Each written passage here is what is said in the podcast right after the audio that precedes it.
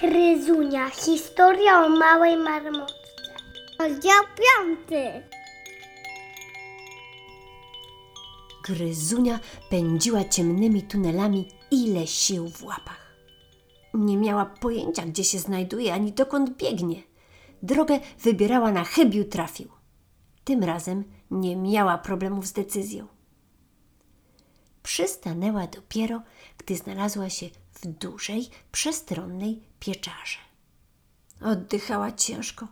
Po chwili u jej boku pojawił się równie zdyszany Vincent. Ależ masz tempo, zapnął. I jesteśmy na drugim końcu doliny. Obiecuję, że, że nikt nas tutaj nie znajdzie. Gryzunia spojrzała na zziajanego przyjaciela i zarzuciła mu łapki na szyję. Jesteś cudowny! Uratowałeś mi życie! Zakłopotany Vincent zaczął się wykręcać.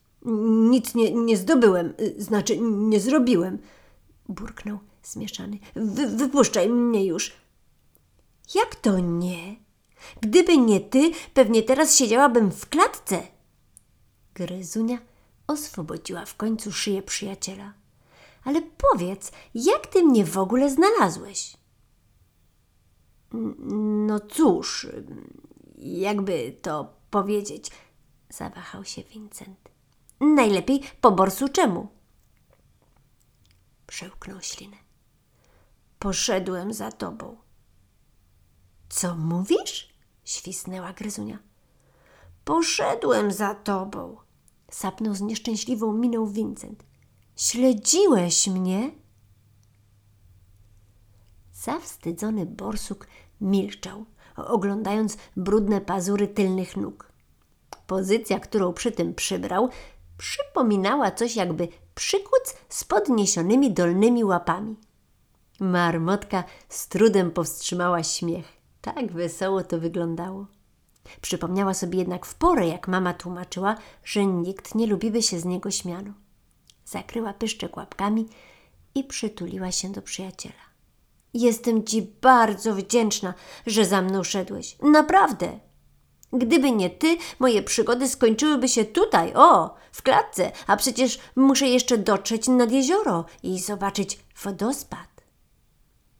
Wspomnienie leśnych wyzwań sprawiło, że marmotkę ogarnęło zwątpienie. No fakt, uszła cało, to prawda, miała szczęście. Zgubiła jednak drogę.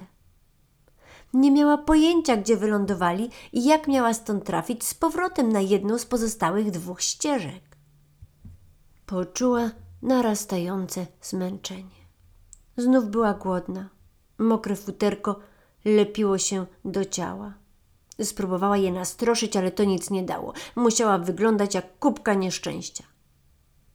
Zaczęła rozmasowywać zmęczone od biegu łapki. Wszystko ją bolało. Do tego w brzuchu znów coś ściskało nieprzyjemnie. Vincent milczał. Kryzunia przymknęła oczy. Oho, na zewnątrz najwyraźniej padał deszcz. Słychać było kapanie wody. Czy ma wracać do domu? Jej dolina to jedyne miejsce, do którego trafi po zapachu. Ale co pomyślą inne świstaki, jeśli wróci, nie poznawszy uprzednio całego lasu, jak obiecywała? Co powie mama? Marmotka zacisnęła mocniej powieki, pod którymi gromadziły się ciepłe kropelki.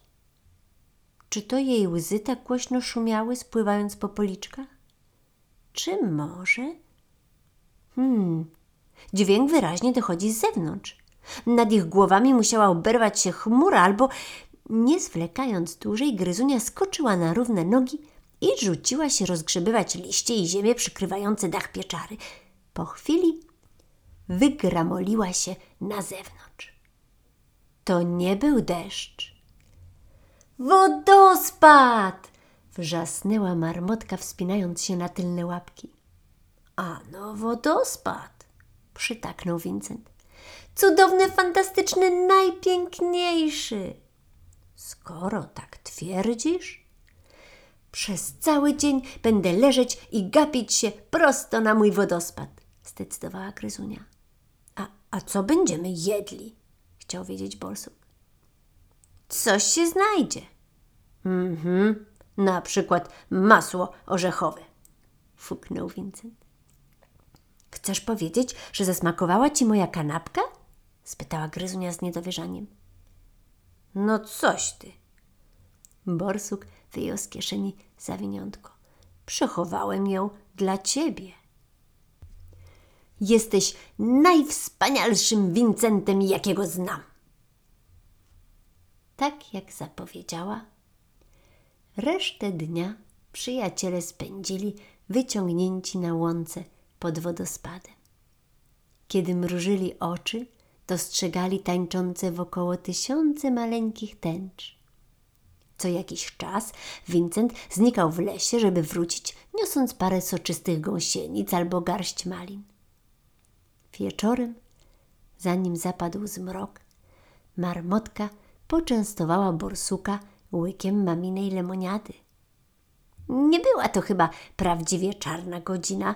Gryzunia nie czuła ani smutku, ani strachu, ale coś podszepnęło jej, że był to właściwy moment na opróżnienie skorupki.